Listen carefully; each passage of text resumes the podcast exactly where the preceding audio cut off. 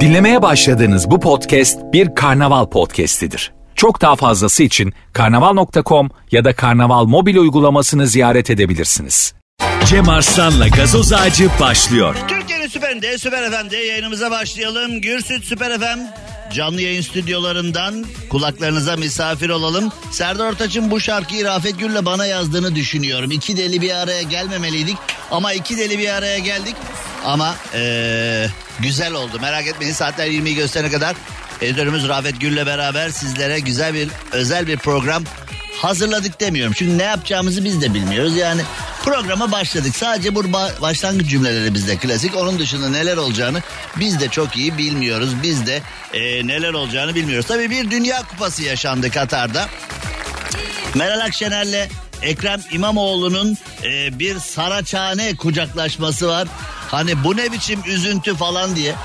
Ya arkadaş Ekrem İmamoğlu oturup ağlasa, Meral Akşener oturup ağlasa ne oldu çok mu üzüldünüz falan diye. Yani bu ülkede gülmeye de gelmiyor ağlamaya da gelmiyor. Yani ben de e, bunu dakika dakika yaşıyorum. Mesela bu haberle başladık ya şimdi mesela e, AK Parti severler ne çok mu gücüne gitti falan diye hemen hani hangi konudan bahsetsek sanki o konunun bir adamıymışız gibi algılanıyor ya memlekette durum böyle. Onun için zor günler yaşıyoruz. Ee, seçime giderken herkes bir ucundan çekiyor. Çünkü artık sosyal medya diye bir şey var. Şimdi siyasi partiler memlekette medyayı abluka altına aldılar. İktidarın ablukasında medya var genellikle öyle. Bir de muhalefetin ablukasında küçük bir medya var. Her ikisi de yayına çıktığı anda ne yapsak da bugün CHP'ye laf sokuştursak diye düşünüyor. İktidarın kontrolündeki medya yani medyanın yüzde sekseni bu durumda şu anda. Küçük bir grupta hani ne yapsak da iktidara bir şeyler söyle arayıp buluyorlar. Peki yani e, arayıp bulmak yerine zaten ortada olan konuları konuşmak, ortadan konuşmak falan medya onu çoktan unuttu. Medya onu çoktan unuttu. Çoktan çoktan. Yani e, bu konuyla alakalı ANAP zamanını falan gösteriyorlar ama ANAP zamanında bile neler oldu neler. Turgut nereye koşuyor diye kitap yazıldı. Turgut Özal'ın kızı Asım Ekren'le evlendiğinde işte kızı boş bırakırsan davulcuya gider zurnacıya falan. Öyle şey. Günümüzde böyle haberler yapılabilir mi? Günümüzde bu tip yaklaşımlar sergilenebilir mi?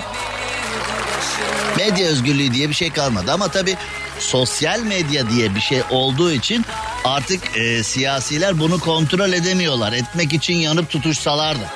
Şimdi memlekette bir e, gazetelerin bize pompalamaya çalıştığı e, suni gündem var. Bir de memleketin gerçek gündemi var. Ben mümkün olduğu kadar konunun gerçek tarafında kalmaya çalışıyorum. Eee sorun oluyor tabii ama yani bunu yapmaya çalışıyorum yapmaya da çalışacağım her zaman için 28 yıldır bunu yapıyorum zaten. Ee, bundan sonra da yapacağız.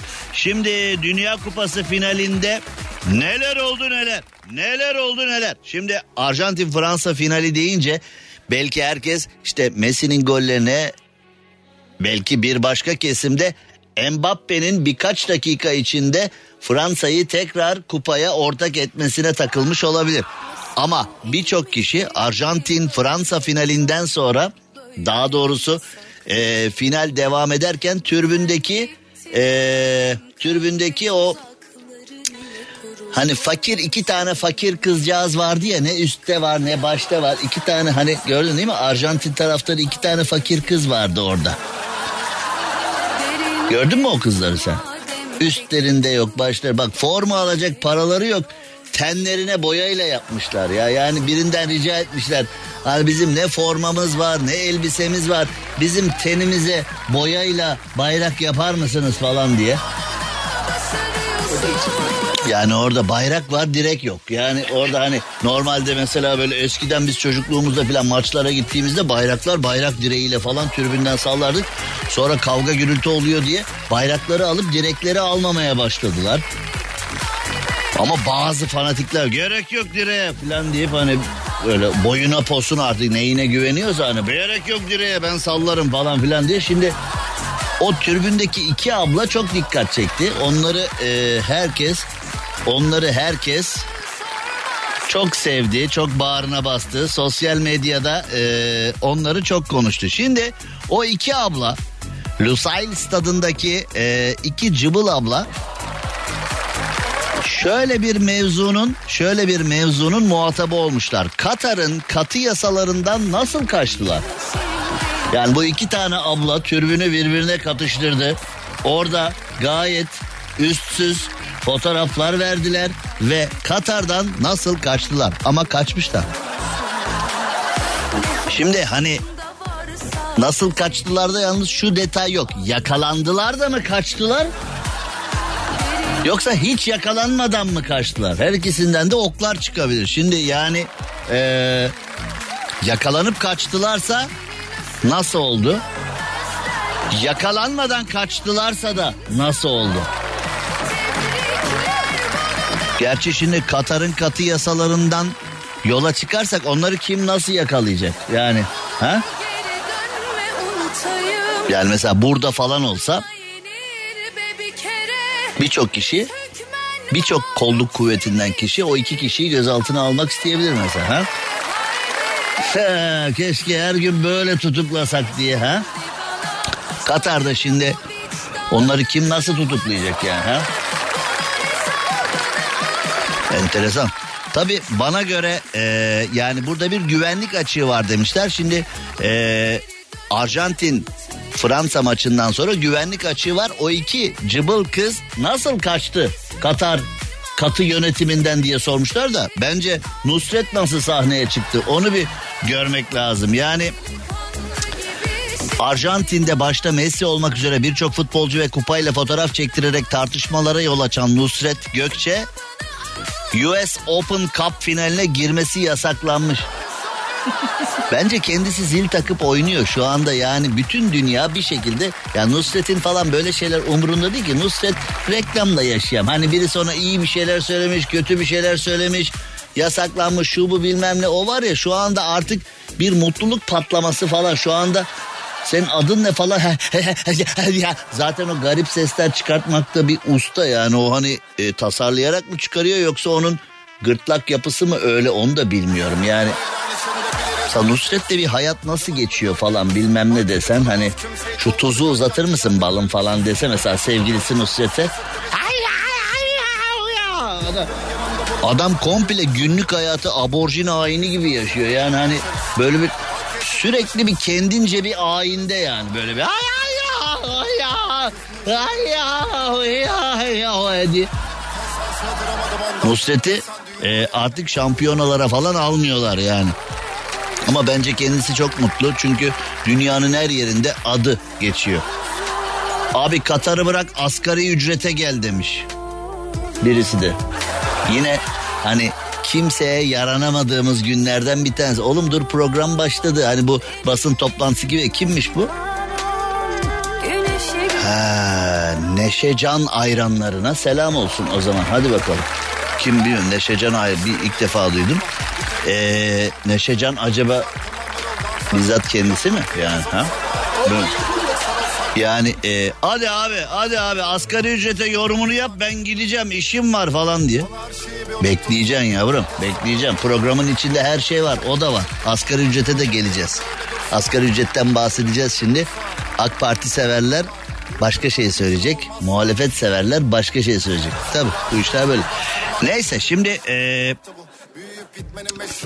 Katar'dan kaçtım ve Avrupa Birliği'nde bir mülteciyim demiş. E, o iki tane e, genç kızımız var ya o onlar da dünya. Tabii böyle şeylerin yan sanayisi çıkıyor. Şampiyonadan sonra bahsedilen. Şimdi Katar'dan Kanada'ya geçelim. Kanada'da asgari ücretten bahsedeceğiz biraz sonra. Şimdi ilk önce biraz e, yumuşak başladık programa. Daha sonra Türkiye siyasetine geldiğimiz zaman zaten konular birdenbire gergin hale geliyor. Ak trollerle altılı masa trollerinin de katılımıyla konu çok daha güzel hale geliyor. Nefis. Şimdi Kanada'ya gidiyoruz. Hani bizim bir ee, ihracat hayalimiz var ya yani ihracatı milyar dolarlara çıkartmak istiyoruz e, milyar dolarlardan trilyon dolarlara, trilyon dolarlardan Zilyon dolarlar. Hani ihracatı ne kadar çok yapabilirsek o kadar iyi ya. Yeni bir ihracat kalemi buldum ben bugün. Şimdi bizim hani bu kurban bayramlarında falan belediyelerimizin hizmeti var ya Alo Dana. Alo Dana hizmeti. Hani şimdi mesela biz E-Devlet'i yaptık. E-Devlet'i gurur duyuyoruz E-Devlet'le. E-Devlet'i dünyanın birçok devleti satın almak istiyor altyapıyı. Ee, bu altyapıyı satın almak isteyenler gerçekten ee, sözüm ona gelişmiş ülkeler falan. Çünkü E-Devlet gerçekten mükemmel bir şey. Yani emeği geçen herkesi alnından öpüyorum, kutluyorum. E-Devlet gerçekten işimizi çok kolaylaştıran ve bizim çok sevdiğimiz bir hizmet. Şimdi E-Devlet yazılımını satabildiğimiz gibi bu Alo Dana'yı da satmamız lazım. Alo Dana altyapısını, Alo Dana'nın yazılımını evet Alo Dana'nın yazılımını satmamız lazım. Çünkü şöyle bir şey olmuş. Kanada Quebec eyaletinde çiftlikten 20 tane inek kaçmış 5 aydır yakalanamamış. İneklere bak öyle takılıyor yani böyle dağlarda otlayan mor inekler var ya hani böyle sen zannediyorsun hmm, hmm. hani inek dediğin şey hani öyle durduğu yerde durur takılır hani e, boğalar için en kolay avdır falan bilmem. Ne hani böyle şey yapılır diye değil mi? Yani inek dediğin şey öyle fazla hareketli kıvrak bir şey değil yani. Devamlı öyle ya ot yer ya geviş getirir ya da süt sağılırken öyle bekler. Hiç otomatik süt makinesi geliyor pat onun memelere yapışıyor sütü sağıyor falan. Bu böyle hmm, hmm, hmm. Böyle kalır yani. Hani şimdi o İspanya'daki sokağa bırakılan boğalar gibi değil inekler. Fakat Kanada Quebec eyaletindeki bu inekler nasıl ineklerse hangi modelse bunlar 20'den fazla inek 5 aydır yakalanamıyormuş. Kaçtıkları sırada da hamilelermiş. Bence bunlar çocuklarla kaçmış da boğadan kaçmışlar bence. Boğa yeter be kardeşim. Yeter be kardeşim. Bu boğadan kaçtı. Hamileyiz yine kovalıyor bizi ya. Hamile ineğim yine kovalanıyor. Bence boğadan kaçtılar onlar. Bak ciddi söylüyorum. Şimdi e, Kanada bu 5 aydır yakalanamayan özgür inekleri konuşuyormuş. Bir güvenlik tehdidi mi yoksa bir sığır devrimi mi demişler. Kanada'da bu konuşuyorum sığır devrimi. Yani ee, birçok devrime denk geldik birçok devrimi de takip ettik ama sığır devrimini ilk defa. Kanadalılar demiş ki sığırlar arasında bir devrim midir yoksa bu bir güvenlik tehdidi midir? Nasıl yakalayamıyoruz 20 tane ineği? Hakikaten nasıl yakalayamıyoruz 20 tane ineği? Bizim Alo Dana servisini Bence yazılımını alsınlar. Ha? Yani bunu Kanada'nın bir kısmında İngilizce bir kısmında Fransızca konuşuluyor. İngilizce Fransızca'ya çevirip Quebec'te Fransızca mı İngilizce mi cevap ver bakayım. Atıyor musun biliyor musun? Attım tuttum. Attın tutturamadın çünkü de yani onun için. Quebec bence İngilizce değil. Bak bakalım. Şimdi elimizdeki en iyi araç sabırdır demiş Kanadalı yetkililer. Evet 20 tane ineği 5 aydır yakalayamadık ama bu yakalayamayacağımız anlamına gelmez demiş.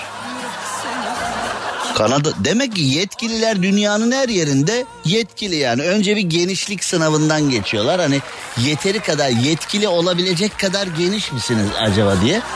O bakıyorlar ki o bu üç oda salon bu ya acayip acayip bu yani üç oda salon bayağı bir geniş o zaman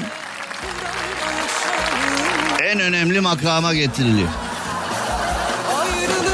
Şimdi Quebec'te nece konuşuluyormuş? Kanada'nın hangi bölümüymüş? Bakamadık ki şimdi o Quebec nasıl yazıyor onu da bilmiyor ya. Ha efendim? Yazdık abi yazdık. Ne ne konuşuluyormuş Quebec'te? Hani araştırıyordun, söylüyordun bilmem İkisi ne birden filan. konuşuluyormuş abi. İkisi birden konuşuluyormuş. İngilizce Fransızca öyle yazıyor ben değil. Yani o sen de bildiğinden değil ya. Ve Wikipedia'nın yalancısıyız biz de diye. Şimdi Wikipedia'nın yalancısı sadece sen değilsin. Google da Wikipedia'nın yalancısı. Ekrem İmamoğlu'nu eski İstanbul Büyükşehir Belediye Başkanı olarak yazdı ya. Düzelttiler mi acaba onu? Yani kutsal bilgi kaynağı falan diyorlar ya hani böyle internette öyle iddialı yerler var. Hakikaten Hakikaten, hakikaten yani mesela bazı şeyleri bilmediğimiz için internete bakıyoruz ya. Yüzde seksen trafik varmış yani e, bizlesiniz. Saatler 20'yi gösterene kadar buradayız. Ee, Gürsüt Süper FM stüdyolarından canlı olarak kulaklarınıza misafir ettiğimiz programımızda az sonra yanınızdayız. Şimdi şimdi Hakiki Cem Arslan Instagram adresinden canlı yayına geçiyoruz. Hatta geçiyoruz yani şu anda hemen açalım ee, bir bir ee, reklam arası veriyoruz ama sizlerden ayrı kalmayalım. Hemen Hakiki Cem Arslan Instagram adresini şu anda başlattım. Oradan da Gürsüt Süper FM stüdyosundan canlı yayındayız. Cem Arslan'la gazoz ağacı devam ediyor.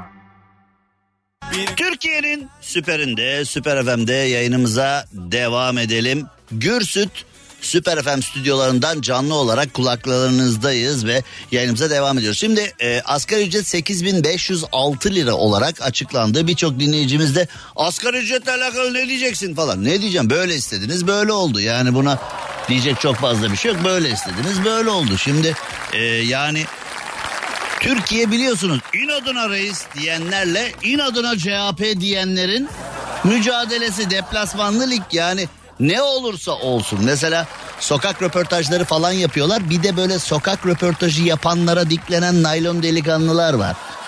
Burada burada yapmayın oğlum. Burada yapmayın oğlum röportaj falan. Şimdi hani medyanın medyanın etkisizleştirme kampanyasına bir de o sokak röportajlarına sataşan naylon delikanlılar da eklendi. Öyle sokak röportajı yapan tiplere işte üstüne yürüyenler, dövmeye sövmeye kalkanlar filan bilmem ne. Ondan sonra da diyoruz ki işte özgür demokratik Türkiye filan. Yani nasıl olacak böyle bir şey bilmiyorum. Şimdi asgari ücrete de yüzde 54 civarında bir zam geldi. Asgari ücret yüzde 54 civarında olunca acaba yaşam sürdürülebilir mi? Sürdürülebilir bir yaşam olabilir mi? Perşembe günleri Aslı Dede ile sürdürülebilir yaşamı konuşuyoruz. Sürdürülebilirliğin her alanını konuşuyoruz değil mi? Hoş geldin Aslı Dede. Hoş bulduk, hoş bulduk. Merhaba. Erkencisin bugün maşallah. Geçen hafta yedim aynen, zılgıtı. aynen öyle, aynen öyle, aynen öyle. Hoş geldin, sefalar geldin ve e, geç kalman sürdürülebilir olmadığı için çok teşekkür ediyorum. sürdürülebilir olmasıyla alakalı ve hayatımıza pozitif etki yapacak konularla alakalı söyleyeceğim bir sürü şey varken negatif şeyleri konuşmayalım değil mi? Yani şimdi asgari ücretle hayat sürdürülebilir mi? Onu sen konuşma onu ben konuşurum biraz sonra. Ee, onu zaten konuş konuş ee, konuş konuş konuş yani öyle oluyor. Sen neler hazırladın bize sürdürülebilirlikle alakalı? Bence çok güzel bir yerden bağladın. Ben o soruyu alabilirim. Al. Aldım. Al senin olsun bende ne varsa. Aldım Buyurun. o soruyu. Ee, çünkü sürdürülebilirlik deyince hep iklimle ve çevreyle ilgili e, konular algılanıyor. Oysa ki bu dediğin şey çok çok önemli. Çünkü aslında 17 tane sürdürülebilir kalkınma amacı var.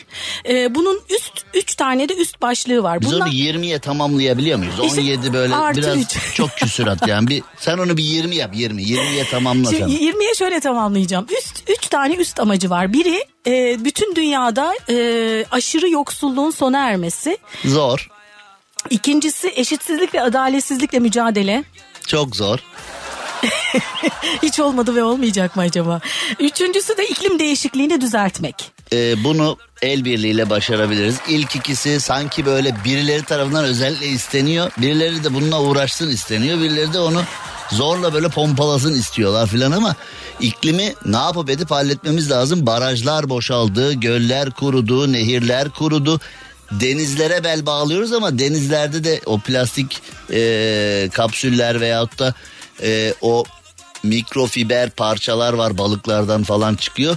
Yani sürdürülebilir hayat sürdürülemez hale geliyor aslında. Evet. Ama aşırı yoksulluğun sona erdirilmesi de aslında sistemin e, ekonomik sistemin e, dönmesi için gerekli bir şey. Çünkü tüketiciye de ihtiyaç var değil mi? Öyle bir Muhakkak, taraftan muhakkak her şeye ihtiyaç var. Şimdi şu 17 tane amacı bir şöyle bir üstünden geçmek istiyorum. Bir en azından 17'sinin birden mi? E, hızlı hızlı sadece başlıklarını söyleyeceğim. 10, 9, 8, 7, 6, 5.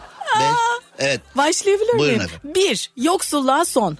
2 açlığa son, 3 sağlık ve kaliteli yaşam, 4 nitelikli eğitim, 5 toplumsal cinsiyet eşitliği.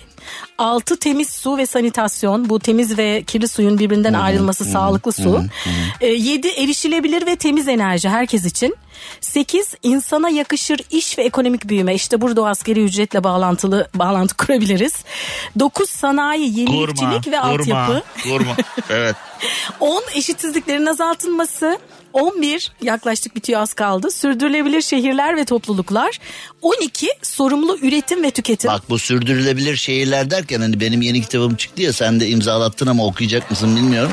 Afili kentin alaylıları bu kitap işte e, onu anlatıyor. Yani şehirde yaşamakla şehirli olmak arasındaki farkı şimdi coğrafi olarak yani fiziki olarak şehir topraklarına basmayı şehirde yaşamak olarak veya şehirli olmakla özdeşleştiren arkadaşlara soğuk duş tadında şehirde yaşamak başka bir şey, şehirli olmak, kentli olmak başka bir şey. Afili kentin alaylıları da aslında bu ikisinin arasındaki cenderenin kara mizahı. Ee, okuyun seversiniz güzel kitap. Ben yazdım diye söylemiyorum yani iyi oldu. Evet 13. Ama ben de aynı şeyi düşündüm. Bu arada biraz kitabı karıştırdım da okuduktan sonra gerçekten bunu sürdürülebilirlikle bağlantılayabileceğimiz pek çok konu çıkacağını düşünüyorum. Özellikle mahalle kültürü, e, mahalle esnafı bunlar çok çok değerli. Bunları yok ettik maalesef. Maalesef. Yani her tarafta marketler, marketler, marketler. Evet. Yani Maalesef. marketlerin sadece fiyat araştırması değil, e, mahalle esnafının mahalleye kattığı sosyal çıtanın da aslında korunması gerekiyordu. Hani şimdi UNESCO Dünya Mirası falan var ya sadece öğren yerleri, müzeler işte bilmem ne falan değil. Mahalle esnafı da belki de UNESCO tarafından korunması gereken e, miras olarak bize verilmeliydi. Çünkü mahalle esnafı sadece alışveriş yaptığımız bir e, yer değil aslında mahallenin sosyal çıtasını veyahut da mahallenin o kaynaştırıcı harcını da oluşturan bir şey. Küsleri barıştıran ya da mahalleyle alakalı bütün o sosyal zemini de sağlayan bir yer aslında ama biz onu kaybettik. de. Benim aklıma hep şey geliyor. Ferhan Şensoy'un Kahraman Bakkal Süpermarkete karşı diye bir oyunu ne kadar yani, güzeldi. evet, evet, Değil mi? evet. Sevgiyle saygıyla analım. Evet, evet Büyük çok hocayı. değerliydi gerçekten. Gerçekten Ee, öyleydi de onlar artık anılarda kaldı. Şimdi acaba bizi dinleyenlerden kaç kişi aa evet dedi da ben hiç bilmiyorum öyle bir şey falan diye. Çünkü bir de tabii yaş da değişiyor, kuşak da değişiyor. Bazen bizim için önemli olan isimler, oyunlar, sanatsal faaliyetler falan yeni kuşak için hiçbir şey ifade etmiyor. etmeyebiliyor. Evet. Devam. Sürdürülebilirlik yok. Sanatta sürdürülebilirlik de çok önemli. Evet evet gerçekten değerli. Şimdi diğer amaçları da şöyle hızlıca bir sayabilir miyim? 9 sanayi Senin yenilik süren 10 dakika önce bitti aslında da say bakalım.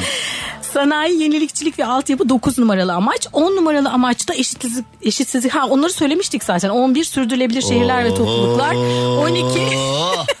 Sürdürülebilir bir konuk değilsin bak onu sana söyle. 12 demiştik sorumlu üretim ve tüketim. 13 iklim eylemi. 14 sudaki yaşamın devamlılığı bizim için önemli. 15 karasal yaşam özellikle e, orman ekosisteminin devamlılığı. 16 barış, adalet ve güçlü kurumlar. Bunlar hepimiz için her zaman ihtiyacımız olan bütün dünya için İhtiyacımız olan. olduğunu biliyoruz da işte bulamıyoruz onu yani ihtiyacımız var evet adalete barışa ama e, biraz sonra birkaç konu var ev sahibiyle kiracılar arasında çok nezih ilişkiler olmuş. E, Öyle mi? Hmm. Ve son amaca sö- söylüyorum son amaç. Amaçlar için ortaklıklar yani işbirliği yani birlikte üretmek. O bizde zor be. Yani mesela bizde çocukluk arkadaşları eşlerin bileziği bozduru falan bir iş kuruyorlar. O iş kazayla kazanır hale gelirse 40 yıllık arkadaşlar ben bunu nasıl ekarte ederim paraya tek çökerim falan diye bilmem ne e, kavgaya başlıyorlar. Bizde ortaklıklar çok yürümüyor ya. Ama öğrenmeliyiz değil mi?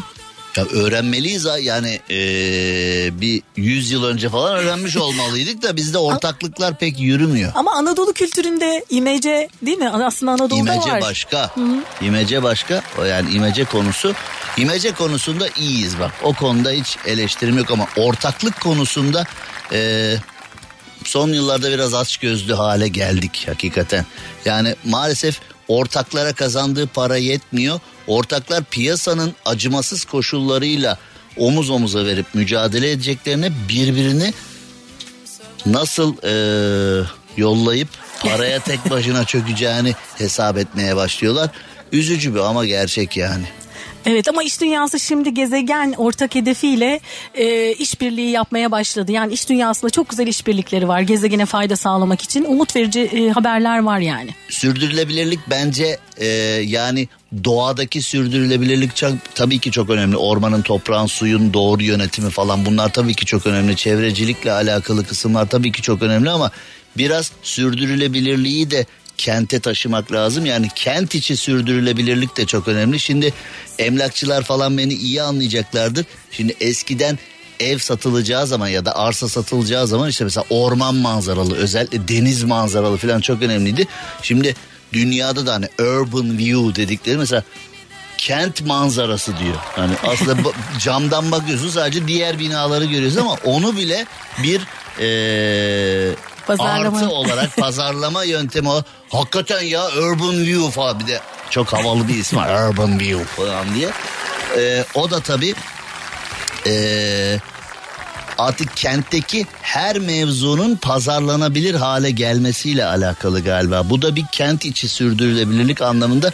Yani bu sürdürülebilirlikte benim anladığım kadarıyla kentleri de köyleri de büyük metropolleri de ama ormanı denizi suyu da e, dağ başını da hepsini birlikte sürdürmemiz gerekiyor. Evet, birini çok doğru. sürdürürken birini durdurursak zaten bu- sürdürülemiyor A- aynen öyle. gibi anladım. Çok doğru. O zaman haftaya bunu bir konuşalım. Tamam hocam. Haftaya bir şehirli hayatın hem de benim kitapla da bir e, bağlantısı olsun. Şehirdeki hayatı sürdürülebilirliği konuşalım. Şimdi sürdürülebilirlik deyince herkes böyle işte toprak, orman, kuş, böcek, tarla filan onları anlıyor ama şehir hayatının ve iş hayatının da plaza hayatının da sürdürülebilirliği çok önemli diye düşünüyoruz. Aslı Dede'ye teşekkür ediyoruz. Efendim teşekkür ben de teşekkür Efendim ne demek hayır biz teşekkür ediyoruz. Podcastlerimi dinlemeyi unutmayın. Podcastleri de e, onu söyleyecektim. Aslı de sürdürülebilirlik konusunda Türkiye'deki doğayan isimlerden bir tanesi, öncü isimlerden bir tanesi ve sürdürülebilirlikle alakalı biz böyle bir 3-5 dakika size küçük böyle ağzınıza balı çalıyoruz ama sürdürülebilirlikle alakalı çok daha geniş, çok daha içeriği derin mevzuları karnaval.com'da Aslı Dede'nin sürdürülebilirlik podcastlerinde dinleyebilirsiniz. Çok teşekkür ederim Rica ederim efendim. Efendim. Demek? Her zaman burada, buradayız. Her perşembe, her perşembe havuz başında değil mi ya? Prenses Aslı ile birlikteyiz diye buradayız. Haftaya perşembe sürdürülebilirliği tekrar burada konuşacağız. Gürsüt Süper FM stüdyolarından canlı olarak kulaklarınıza sunduğumuz gazoz ağacı programı kısa bir aranın ardından kulaklarınızda. Cem Arslan'la gazoz ağacı devam ediyor. Türkiye'nin süperinde Süper FM'de yayınımıza devam ediyoruz ve asgari ücret 8506 lira ama e, birçok şeye çoktan zam geldi bile. Şimdi hani 8506 lira oldu asgari ücret. Asgari ücrete gelen zamla e, piyasa koşullarında yani asgari ücretle çalışan insanların ihtiyacı olan paralar maalesef e, birbirine örtüşmedi. Yani asgari ücretle az önce konuştuğumuz sürdürülebilirlik e, mümkün mü? Pek mümkün gözükmüyor. Şimdi tabii e, asgari ücrette çeşitli hesaplamalar yapıldı. Az önce Cumhurbaşkanı Erdoğan'ın e, asgari ücreti açıkladığı yayını da izledim. Canlı yayını da izledim. Şimdi orada işte taraflar birbiriyle anlaşamadı falan dendi. Gerekirse ara bir dokunuş yapılır falan dendi. Ama işte o ara dokunuşlar için asgari ücretle çalışanlar devlet yetkililerinin iki dudağının arasını böyle hani eskilerin hacı yolu bekler gibi dedikleri böyle bekliyorlar. Hani acaba yetkililer ne zaman bu ara zammı açıklar ne zaman mevzuyu açıklar falan diye. Ama zam geleceği zaman e bakıyorsun bir ürün alacaksın üst, üst, üst üste 20 tane etiket yapıştırılmış. Yani mesela e, özel sektörde bir talimat geliyor. Her şeyin fiyatı çat çat. Dün 10 lira olan bugün 15 lira. Bugün 15 olan yarın 20. Öbür gün 30 çat çat çat çat gidiyor ama asgari ücret için bekle babam bekle bekle babam bekle sendika konuşacak. İşte Cumhurbaşkanı Erdoğan kabul edecek. Cumhurbaşkanı Erdoğan hayır diyecek. Talimat verecek. Bakan bir daha çalışacak. Ee, bakanın alt kadrosu bir daha çalışacak. Üst kadro bir daha çalışacak. İşte e, seçim hesapları yapılacak. E, muhalefet iktidar dengesi, medya dengesi bakılacak bilmem ne falan. Asgari ücrete zam geleceği zaman bekle babam bekle bekle babam bekle ama bir ürüne zam yapılacağı zaman yani şimdi hani trafik cezalarına gelen mesela hani şimdi trafik cezalarına gelen orana bakıyorsun. MTV'ye motorlu taşıt vergisine gelen orana bakıyorsun.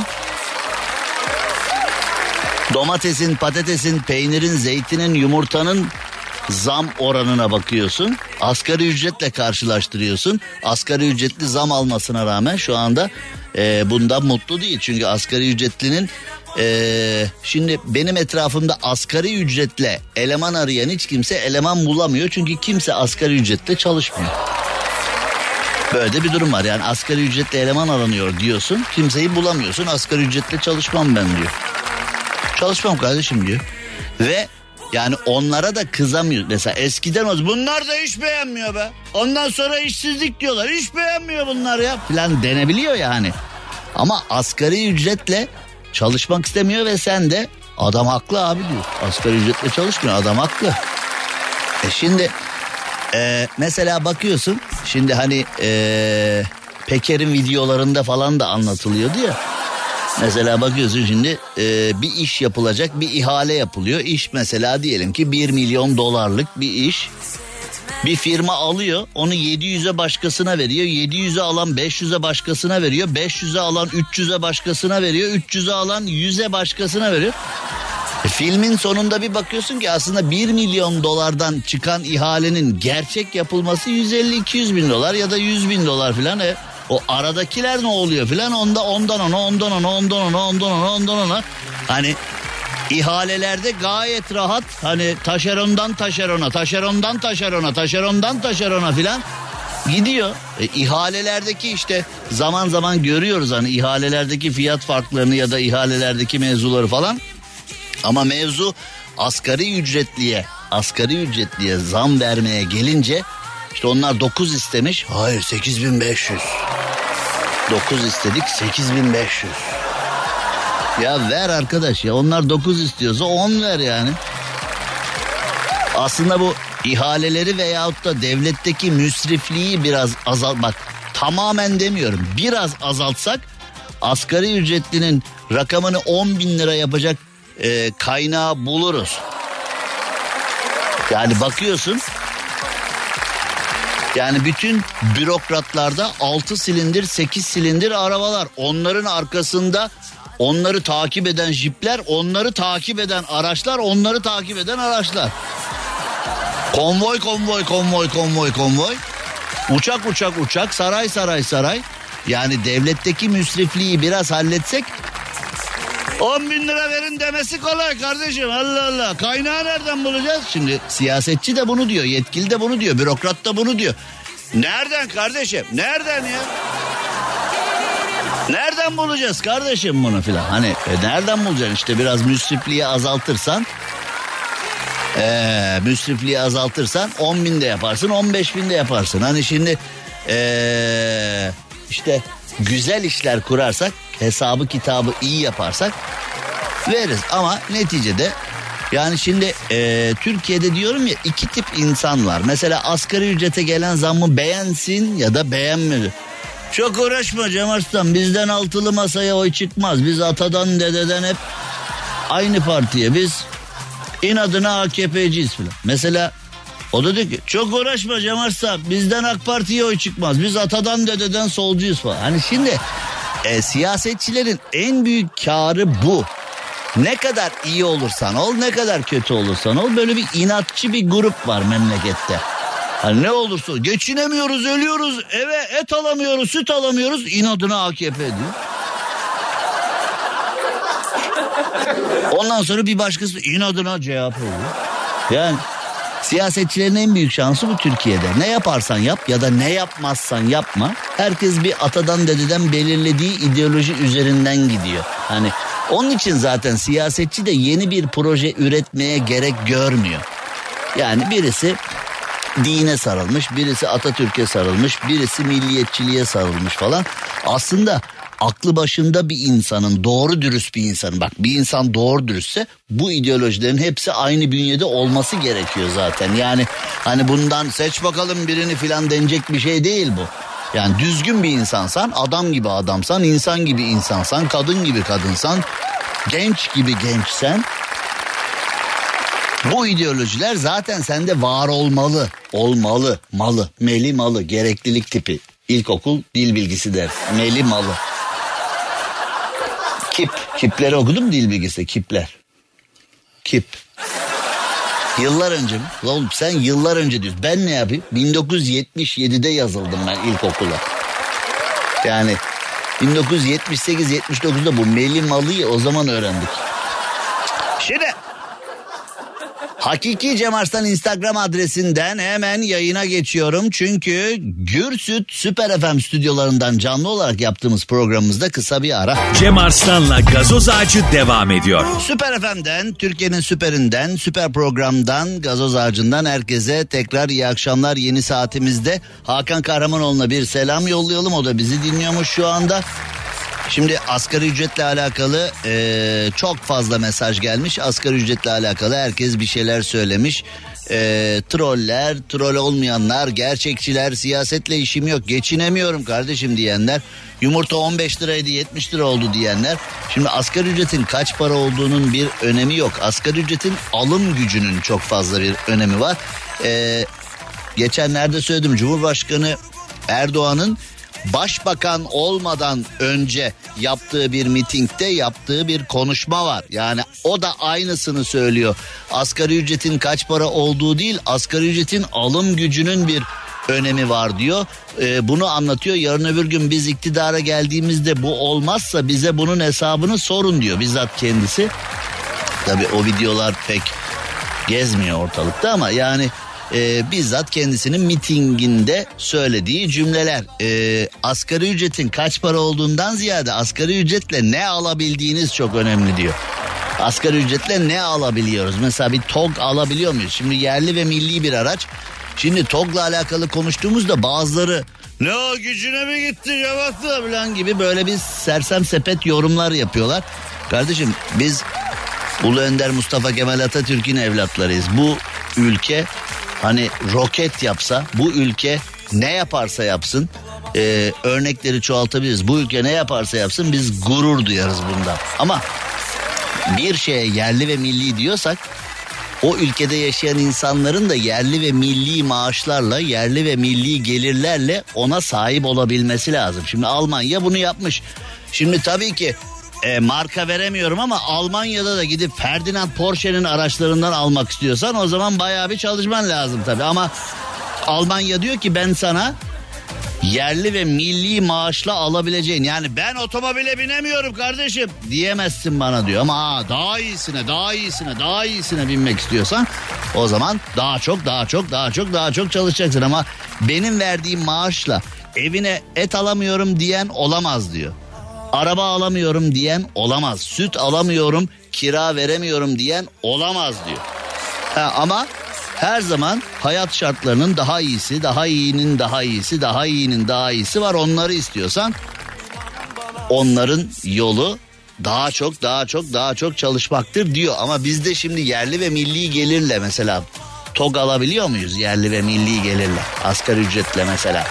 O zaman işte yani benim hayat görüşüme göre benim anlayışıma göre yerli ve milli dediğimiz bir aracı yerli ve milli gelirle alabiliyor olmamız lazım. Onun masraflarını karşılayabiliyor olmamız lazım gibi bir durum var. Yani e, asgari ücretle alakalı bugüne kadar almadığımız kadar çok e, mesaj aldık. Herkes bir şey söylüyor. Ama e, yani böyle isteniyor böyle oluyor. E, şimdi birçok yerde hesapsız davranıyoruz. Birçok yerde tam matematiği kullanmıyoruz ama konu asgari ücrete gelince birdenbire matematiğin hiç bilmediğimiz formülleri bile pat diye karşımıza çıkabiliyor. Ee, bunlar da dikkat çekiyor. Şimdi bir İstanbul'dan bir de Antalya'dan benzeri mevzular var. Şimdi Adalet ve Kalkınma Partisi tarafından yönetiliyoruz yaklaşık 20 yıldır ama adalet konusunda hiç bu kadar tartışılı hale gelmemişti Türkiye. Adalet herkese lazım ama işte bakıyorsun kafa göz şimdi hani o eskiden o lafı çok kullanırdık ama Ekrem İmamoğlu'nun söylediği bir laf yüzünden belediye başkanlığı bile tehlikede ya yani o laf aslında herkesin herkese söylediği bir basit bir laf ama oradan şimdi Millet birbirinin kafasını gözünü yarıyor. Millet birbirine ateş ediyor falan. Tutuksuz yargılanmak üzere serbest kalıyor falan. O kelimeden dolayı iki sene e, yedi ay filan ceza bir şeyler bir şeyler. Şimdi neyse gelelim mevzuya. İstanbul'da ev sahibinin akrabaları kiracıya saldırdı. Annemi saçından tutup yerlerde sürüklediler demiş e, kiracılar. Daha doğrusu kiracı. Üsküdar'da kiracı ile ev sahibinin akrabaları e, kavga etmişler. Yaklaşık 15 kişi ev sahibinin 15 tane akrabası kiracıya saldırmış. Kiracının annesini saçından yerlerde sürüklemişler.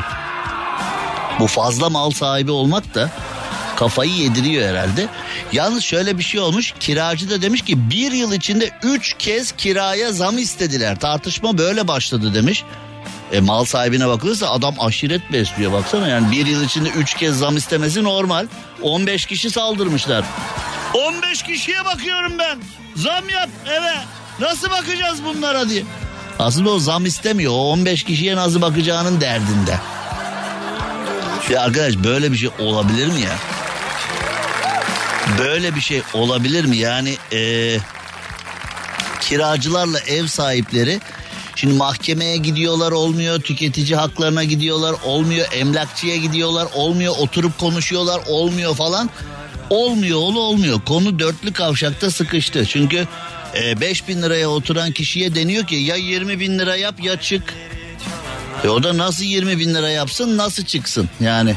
20 bin de yapamıyor çıkamıyor da çünkü başka yerde de ev bulamıyor. E mecbur sokakta da yatacak hali yok çoluk çocuk.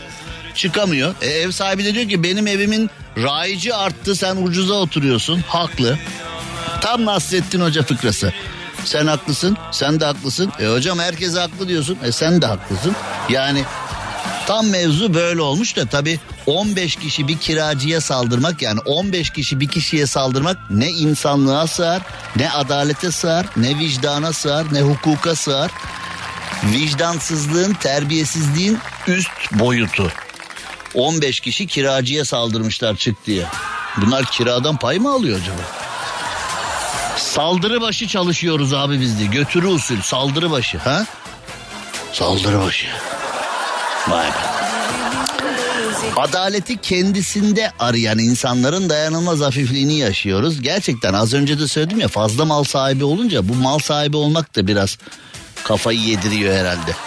Antalya'da ev sahibi evinden çıkmasını istediği ve bir süredir anlaşmazlık yaşadığı e, kiracıyı darp ettiği anları güvenlik kamerasına yansımış.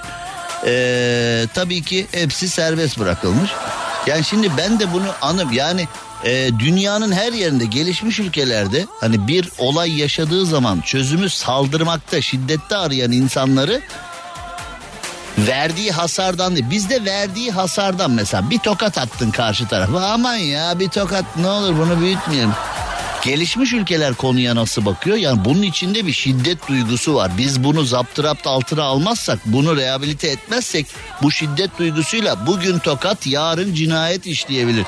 Yani bunu halletmemiz lazım diyor. Bizdeki adalet çıtası oralara gelemedi daha. Şimdi ee, bir aşağılıktan bahsedeceğim, bir adiden bahsedeceğim.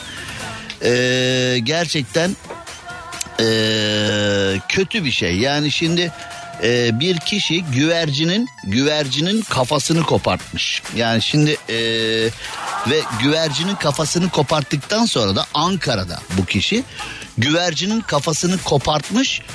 Güvercinin e, çırpına çırpına ölmesini de videoya çekmiş ve bunu da sosyal medya hesabından paylaşmış. Ya şimdi bir insan diyeceğim bunu yapan şimdi hani silüet olarak bir insan ama iç bünyesiyle alakalı söyleyeceğim şeyleri mikrofon açıkken söyleyemiyorum. Ee, lütfen beni dinleyen herkes koro halinde bu arkadaşa hani ee, gereğini yapsın. Ben de yapacağım mikrofonu kapattıktan sonra.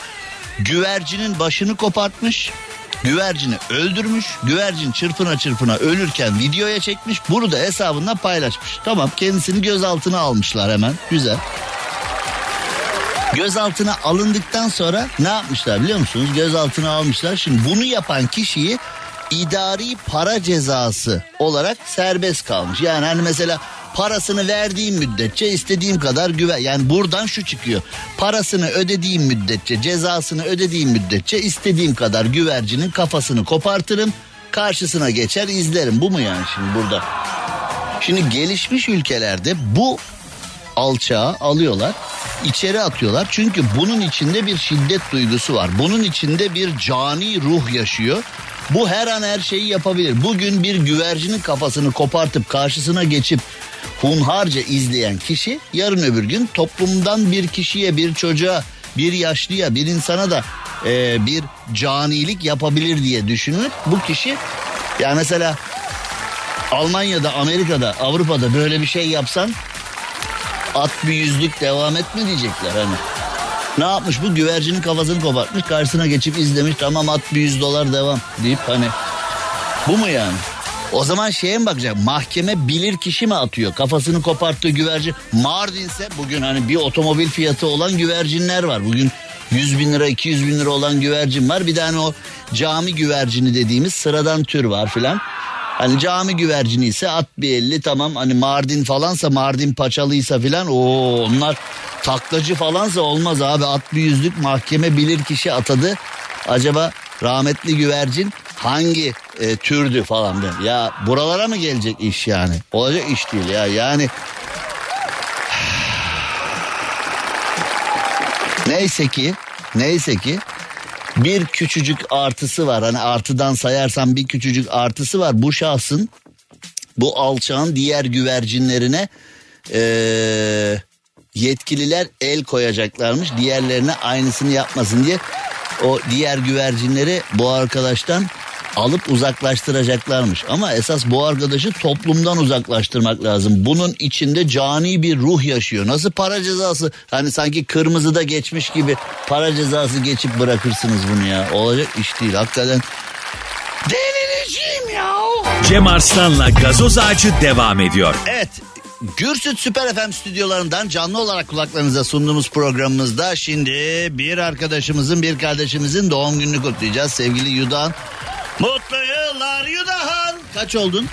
29 oldum abi. 29 oldun. Ben 29 oldum. Hiçbir şey olmuyor 29 yaşına geldiğinde.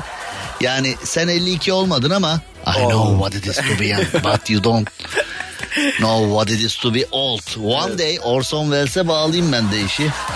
Peki Cem abi 29 29'da olmuş. eee, yani 30'a gelince çok böyle bir vay be 30 oldu. Ya, o 3 ile başlayan yaşlar filan başlayınca bir şöyle bir hani 2 ile başlayan yaşlardan 3 ile başlayan yaşlara geçtiğinde hafif bir sarsılacaksın şöyle hafiften bu kadınları daha çok etkiliyor. Harika. Erkeklerde daha az etkili oluyor. Çünkü eğer bir kadın 30'lu yaşlara geldiyse ve hala ciddi bir ilişki oturtamadıysa o yaralı aslan kadar tehlikeli olabiliyor. Bak çok yani o öyle kadınlar varsa etrafta dikkat etmek lazım. 30'lara gelmiş hala bir ilişki temposu oturtamamış. Feci yanarsın. Ama erkek 30'a erkeğin 30 yaşı çok güzel. Benim gibi 29'una girmiş sonrasında 30'una girecek tüm erkeklere bir kelimeyle seslenecek bir cümleyle seslenecek olacak olsan ne derdin Cem abi? Ceviz ye ceviz ceviz. ceviz. Dede tavsiyesi ceviz bal. Çok güzel yani dedeler de. Dedelerin bu tavsiyesine bayılıyorum. Yani dede yarın vizem var ceviz ye yavrum. Final var ceviz ye. Sevgilimden ayrıldım ceviz ye. Sevgilimle barıştım daha çok ye. Yani e, sürekli o dede tavsiyelerine bayılıyorum. Dede ne söylersen söyle. Dede batıyoruz şirketi kapatıyor. Ceviz bal ceviz. Ne söylesen yani eee ecdadımızda böyle bir pozitif yön var. Ceviz ve bal yiyerek bütün problemlerimizden arınabileceğimizi düşünüyorlar. Evet. Genelde olmuyor ama yani eee onların Daha bu, büyük problemler yaşıyoruz. Onların bu onların bu eee, pozitif duygusu bana güzel geçiyor. Yani hani ceviz ben de inandırıyorum. Yani ceviz bal yediğim zaman hayatımdaki tüm dertler bitecek. Ceviz bal gelecek, dertler bitecek falan diye bir eee, duyguya gelmiş vaziyetteyim ben de yani. konuşuyor. arkadaşlar. Doğum günü diye bugün e, hani 23 Nisan'da çocuk başbakan falan oluyordu ya eskiden. Bu da doğum günü çocuğu Bu olduğu adam için. seni kandırdı mı doğum günün bugün diye? Yok ben kendisini He. davet ettim. Doğum günün dündü ama gel bugün kutlayalım. Çünkü e, dün dünyaya yudağının geldiği noktasında ben şoku ancak atlatabildim. hani dünya buna layık mıydı falan diye. Dün biraz dünkü programı dinlediyseniz ayağım yere basmıyordu yani. Hani şoku atlattım anca böyle hani işte filan falan falan filan falan. Durum böyle. Yani şimdi e, çok teşekkür ediyorum. Sana ben mutlu çok yıllar diliyorum. Çok sağ ol. Şimdi rica ederim. Ee, şimdi bak yani beni şaşırtan, üzen ve sıkıntıya sokan bir konu var. Şimdi ee, bir papaz Amerika'nın Florida'ya biz hani biz ee, daha doğrusu hani biz Florida diyoruz. Amerika la Florida diyor yani öyle bir Amerika'nın Florida ee, eyaletinde Covid-19 yardım parasıyla Disney'den ev alan bir papaz ve oğlu tutuklanmış. Tamam şimdi yani hani e, bu dini duyguları istismar eden insanlar, insanların maneviyatını dolandıran insanlar dünyanın her yerinde var. Her dinde bu var tamam. Şimdi bunu da gördük. Bir papaz da Covid-19 paralarını toplamış o paralarla ev almış ve eee Aslan International Ministry adında bir işletme kurmuş. Dünyanın parasını toplamış. İnsanları 2.7 milyon dolar dolandırmış. 486 kişi falan çalışıyormuş yani öyle bir büyük bir şey falan. Fakat şimdi eee, bu tip olaylar niye eninde sonunda bize bulaşıyor kardeşim? Şimdi elin Amerika'sında elin papazı milleti dolandırmış. O parayla gitmiş ev almış filan. Sonra papazı araştırmışlar. Papaz Türkiye'de görev yapıyor. Ya bu tür şeylerin alt ya öyle ya da böyle konunun ucu e, bize dokunuyor kardeşim nedir ya? Ve bir de şimdi bir de papaz yani gerçekten bu üç ya ya gerçekten papaz mı bilmiyoruz da bu birinci sınıf dolandırıcı bir de demiş ki Türkiye'de ben polis ve ordu tarafından 50'den fazla kez tutuklandım demiş. Oğlum dolandırıcısın. Ya ha bir de şikayet ediyor. Ne oluyor ya tutukluyorlar beni 50 kere hem de ya 50 kere. Yani şimdi 50 kere tutuklanmak ne demek biliyor musun? 49 kere serbest bırakılmak demek. Şimdi ben burada bu papaz niye tutuklandı değil bu papaz niye serbest bırakılıyor ben yani terbiyesiz ya bir de diyor ki Türkiye'de beni 50 kere tutukladılar diye Amerika'da açıklama yapmış. Amerika'da yakalanıyor Amerika'yı dolandırmış bu arada e, 80'lerin sonunda görev yapmış. Misyoner olarak Türkiye'de 80'lerde görev yapmış. 80'ler Türkiye'sinde. 80'ler Türkiye'sinde 50 kere tutuklanıp hala Amerika'ya gidebilecek hali kalması da bir mucize gibi bir şey yani ama askerler ve polis tutuklamış ama yine de demek ki araya biri girdi bu e, misyoner falan değil bu bildiğin ajanmış yani demek ki zamanında bu hani misyoner kılığında bir ajanmış o yıllarda bunu kullanmışlar demek ki çeşitli işler için. Sonra da şikayet etmiş Türkiye'de beni habire tutukluyorlar falan diyor. Şimdi e, bu arada demiş ki Türkiye'de beni habire tutukluyorlardı. Türkiye'ye girmek için adımı değiştirmek zorunda kaldım demiş.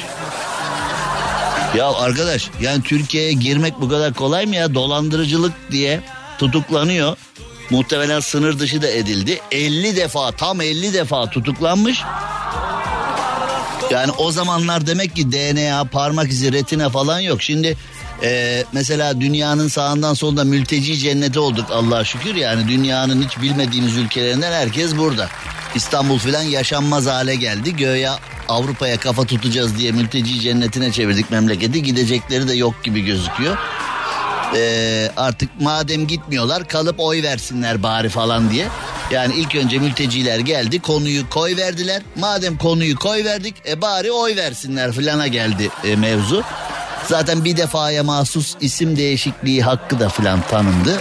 Ne güzel o araya kaynadılar işte yani öyle bir şey. Şimdi Tabii burada da çok oluyor isim değiştirme filan. Yani gidiyorlar ülkeye isim değiştiriyorlar. İsim değiştirip yeni pasaport oluyorlar. Yeni pasaportla yeni biriymiş gibi geliyorlar falan ama Artık dünyanın e, gelişmiş güvenlik önlemlerinde DNA, parmak izi hatta retina falan var yani retinanı okuyorlar.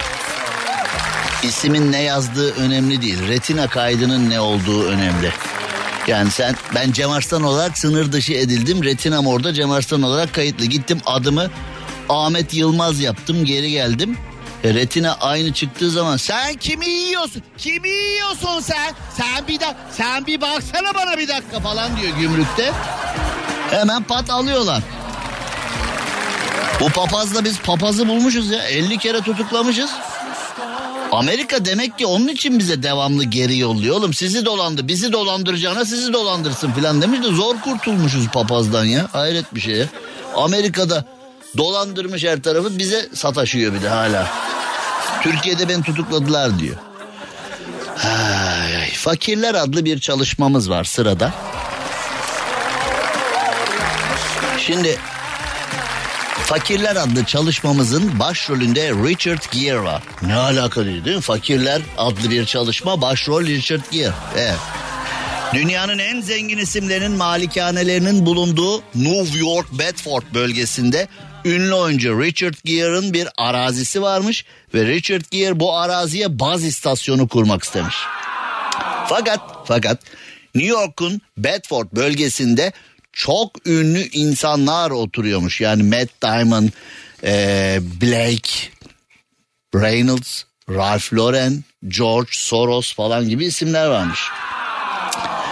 Şimdi ünlü yıldız Jerry Seinfeld'ın da kız arkadaşı orada oturuyormuş. Birçok Hollywood yıldızının da evi varmış. Richard Gere de arazi benim değil mi kardeşim Allah Allah buraya baz istasyonu kuracağım demiş.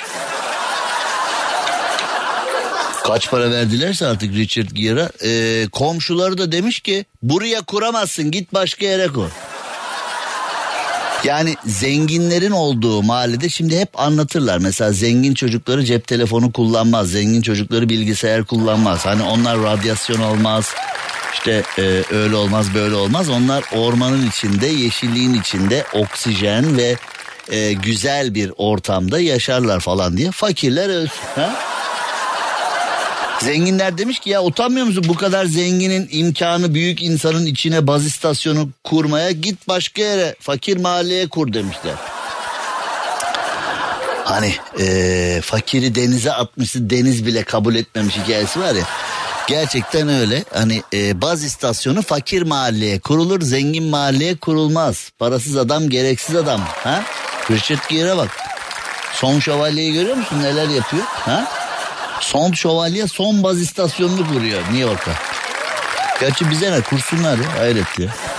Cem Arslan'la gazoz ağacı devam ediyor. Türkiye'nin süperinde, süper FM'de yayınımıza devam edelim. Şimdi e, ormanlarda yılbaşı çamı nöbeti varmış. Arkadaş yani bu nöbetle olacak bir şey değil ya. Bu nöbetle olacak bir şey değil. Yani bu bilinçle olacak bir şey. E, Gürsüt Süper FM stüdyosundan canlı olarak sunduğumuz gazoz ağacı programında e, hani yılbaşı için kokinalar hazırlanıyor eyvallah ama Orman Bakanlığı'nın ve bu konuyla alakalı kurumların da ormanda bir sıkı nöbeti varmış. Çam nöbeti varmış. Çünkü bazıları e, çamları kesip e, yılbaşı ağacı yapmaya falan çalışıyormuş. Ya kardeşim bizim böyle bir lüksümüz yok. Şimdi elin oğlu yani bu konu için özel bir çam yetiştiriyor. Onların kültüründe böyle bir şey olabilir. Onlar özellikle bu çamları yapıyor olabilir filan. Bizim kültürümüzde böyle bir şey yok. Bir de bizdeki çamlar hani ulu çamlar hepsi yani onu yılbaşı değil onu e, yani yılbaşında değil her asrın başında filan e, süslesen anca yani bizdeki ulu çamlar yani öyle bir e, elin oğlu yılbaşı için özel e, dal yetiştiriyor ve onlar için yani bunun belgesellerini izledim falan bilmem ne onlar ağacı yok etmeden özel özel mevzular yapıyorlar, özel yetiştirmeler yapıyorlar bilmem ne falan filan. Bizde öyle bir kültür yok. Bizde mevcut çamı kesip götüren var. Yani güler misin, ağlar mısın? Yani kahrolur musun ne yaparsın mevcut çamı yılbaşı ya Allah Allah süsleyeceğiz biz bunu. Oğlum manyak mısın bu o, o çam bu çam değil. O çam bu çam değil. Allah Allah ya. Allah Allah ya. Süsleme kardeşim sen çam süsleme. Orada zaten biz Ormanlarımızı kaybetmişiz, doğamızı kaybetmişiz, suyumuzu, kekliğimizi, sülünümüzü. Yani biz, biz, biz e, birçok şeyi kaybettik doğa adına. Zaten e, artık kaybetmediğimiz birkaç bir şey kaldı. Onu da hani e, söylemeyeyim. Yani e, bu konuyla alakalı, bu konuyla alakalı biraz daha dikkatli olmak gerekiyor. Şimdi eğitim hakkı herkeste olmalı ya. Yani ırk, dil, din, uzun, kısa, şu bu falan. E, yani eğitim hakkı dünyada herkeste eşit olarak olması gereken bir şey. Bu sadece yurdumuzda değil dünyada her yerde olması gereken bir şey. Son derece üzücü ama son derece de enteresan bir haber var. Yani üzücü ama buradan bile zorlasam bir şov çıkar ama zorlamayacağım ben. Sadece e, büyük bir kalabalığa hitap ederken şöyle arada bir geçelim bunu da. Guinness Dünya Rekorları yetkilileri İranlı Afşin İsmail Gader Zaha ya da e, Gader Zadeş ya da Gadar Zadeh gibi bir şey. Yani e, Afşin İsmail diyelim biz ona. Dünyanın en kısa insanı olarak rekor sahibiymiş. E, 13 Temmuz 2002 doğumlu Afşin İsmail 65.24 santim boyunda ve bir önceki rekor sahibi olan 36 yaşındaki Edward Nino'dan Kolombiyalıymış o da 7 santim daha kısa. Afşin e, 700 gram toplam vücut ağırlığı ile doğmuş. Şu anda 6,5 kilo civarlarına gelmiş ve e, 65.24 e, santimmiş ve e, mevcut koşullarından dolayı okula yollamamışlar. Okula da gidememiş. Hiçbir eğitim alamıyor olmanın üzüntüsünü yaşamış. Ya arkadaş bunu nasıl yapabiliyorsunuz ya böyle bir şey? Yani e, çocukcağız işte kısa boylu diye veyahut da toplum normlarının dışında bir ebata sahip diye eğitim vermemek ne demek? Bu nasıl bir yani bilmiyorum ailede mi kitleniyor konu sistemde mi kitleniyor konu kimde kitleniyor ama hani ben bunu e, İran'ın tamamına yazarım yani ben bu konuyu. Bu nasıl bir iştir ben bunu anlamıyorum ki yani çocuk e, kısa boylu diye çok küçük diye altı buçuk kilo diye falan e, hayatı zorluklarla geçmiş eğitim almayı çok istiyormuş. Ben okumak istiyorum kendimi geliştirmek istiyorum demiş. Ya boy olarak küçük olabilir ama öyle bir yapısı, karakteri var ki kendimi geliştirmek istiyorum demiş. Yani mesela Stephen Hawking'i düşün. Onun da bedensel engelleri vardı ama dünyanın en zeki adamıydı öyle değil mi? Yani o, o gidince e, bayağı bir problem oldu filan. Yani bu çocuğu yetiştirseniz arkadaş yani olacak iş midir ya bu? Ve e, şöyle bir gelişme olmuş. E, Afşin İsmail yakın zamanda kendisine okuma yazma öğretilmiş ve e, mutluluktan deliye dönmüş. En azından okuma yazmayı öğrendim kitap okuyabileceğim diye ya. Arkadaş e, mesela ben imkanlarla donatılmış bir sürü zengin ailenin çocuklarını biliyorum. İsteseler Amerika'da Harvard'a İngiltere'de Oxford'a gidebilir ailenin imkanı var ama çocuk tembel teneke hiçbir şey yapmıyor. Ne okula gidiyor okula gitse de okula gitse de e, flört peşinde veya okula spor arabayla mı gitsem işte pahalı kıyafetlerle mi gitsem filan oralarda takılı kalmış. Okulun sosyal boyutuna takılı kalmış. Okulun ders boyutuyla uzaktan yakından alakası yok. Aile imkanlar havuzuyla dolu ama çocuk okumuyor oğlu okumuyor filan. Burada da çocuğu ufak tefek diye okutmamışlar. Gerçekten e, kötü olmuş. Şimdi bu konuyu şöyle bağlayalım. Gerçekten üzücü bir konu. İnsanın içini yakan bir konu. Çocuk ufak tefek diye toplum normlarının dışında diye okutmamışlar çocuğu ama şuna bağlayalım. Devede de boy var eşek çekiyor kervanı diye bir atasözümüz vardır bizim. Yani bunun büyüklükle küçüklükle veyahut da size'da falan alakası yok. Yani Tabi bu devede de boy var ama kervanı eşek çekiyor. Bu hani e, kısa boyluların kıskançlıkla yazdığı bir atasözü de olabilir. Yani o kısaların uzunlara olan kıskançlığını bir anlatmak adına da bir, bir şey olabilir. Orada da var ama e, yani eğitim hakkı herkeste olmalı. Özellikle kız çocuklarının eğitimli olması çok önemli. Kız çocuklarının meslek sahibi olması çok önemli. Kız çocuklarının e, ekonomik özgürlüğünü ilan etmesi ve bir erkek bana baksın diye değil. Ben o erkeği sadece seviyorum diye. Yani o erkekle beraber olmaktan, o erkekle zaman geçirmekten veya o erkekle birlikte bir hayat kurmaktan mutlu oluyorum diye bir erkekle beraber olabilmesi lazım. Ee, kız çocuklarının eğitimi çok önemli. Herkesin eğitimi çok önemli. Çok kitabi konuştum ben. Vallahi ha.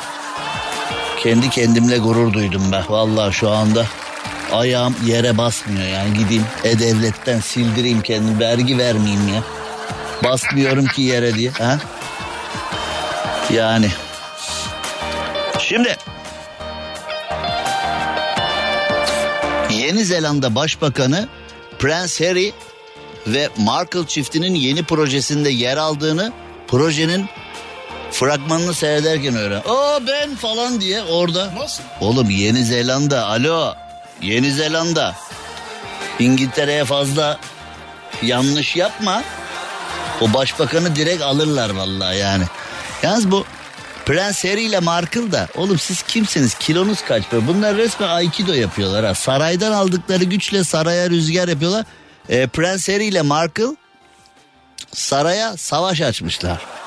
Bak bu resmen magazin Aikidosu. Saraydan aldıkları güçle yani sarayın bir parçası olmasanız dünya sizi ne yapsın? Saraydan mevzuları anlatıyorsunuz diye dünya sizle ilgileniyor. Bunlar da sarayın ipini pazara çıkartacağız falan diye Netflix'e falan belgeseller yapmışlar. Abi dünya nerelerde biz nerelerdeyiz? Biz de ha? Biz de asgari ücret 8506 onu konuşuyoruz ha? Ha, kısa ver ver ver. Cem Arslan'la gazoz ağacı devam ediyor. Z kuşağıyla alakalı herkesin bir fikri var ya ben Z kuşağını çok seviyorum ama artılarıyla eksileriyle çok seviyorum. Yeni dünyayı onların kurtaracağını düşünüyorum. Şimdi bazıları diyor ki, "Ya bunlardan adam olacak da biz göreceğiz de evet bazı halleri bize garip geliyor. Bazı halleri bize itici geliyor. Ee, özgüvenle küstahlığı bazen birbirine karıştırıyorlar. Yani küstahlık yapıp terbiyesizlik yapıp bunun adını özgüven tavan onun için böyle filan gibi koyabiliyorlar. Ama fazla özgüven, fazla özgüven zarar da verebiliyor. İşte şimdi özgüvenli ülkelerden bir tanesi kim? Japonya. Japonya elektronik deyince özgüven tavan değil mi? Yani Japonya ve elektronik deyince, Japonya ve gelişmişlik deyince Bayağı bir özgüven var. Fakat Japonya'daki bazı sinemalar Avatar Suyun Yolu filmini gösterememiş. Zengin görsel içeriği Japonya sinemalarının altyapısı kaldırmamış projektörler çökmüş. Ya bak böyle bir şeyi anlatsam size bu nerede olur desem ya bizde mi abi filan diye mesaj bak kimsenin aklına Japonya gelmez değil mi?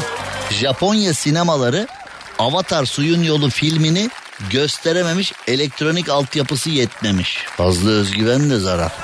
Ölmez de sağ kalırsak yarın 18 civarında tekrar Gürsüt Süper FM stüdyolarından canlı olarak kulaklarınızda olacağız. İyi akşamlar. Cem Arslan'la gazoz ağacı sona erdi. Dinlemiş olduğunuz bu podcast bir karnaval podcastidir.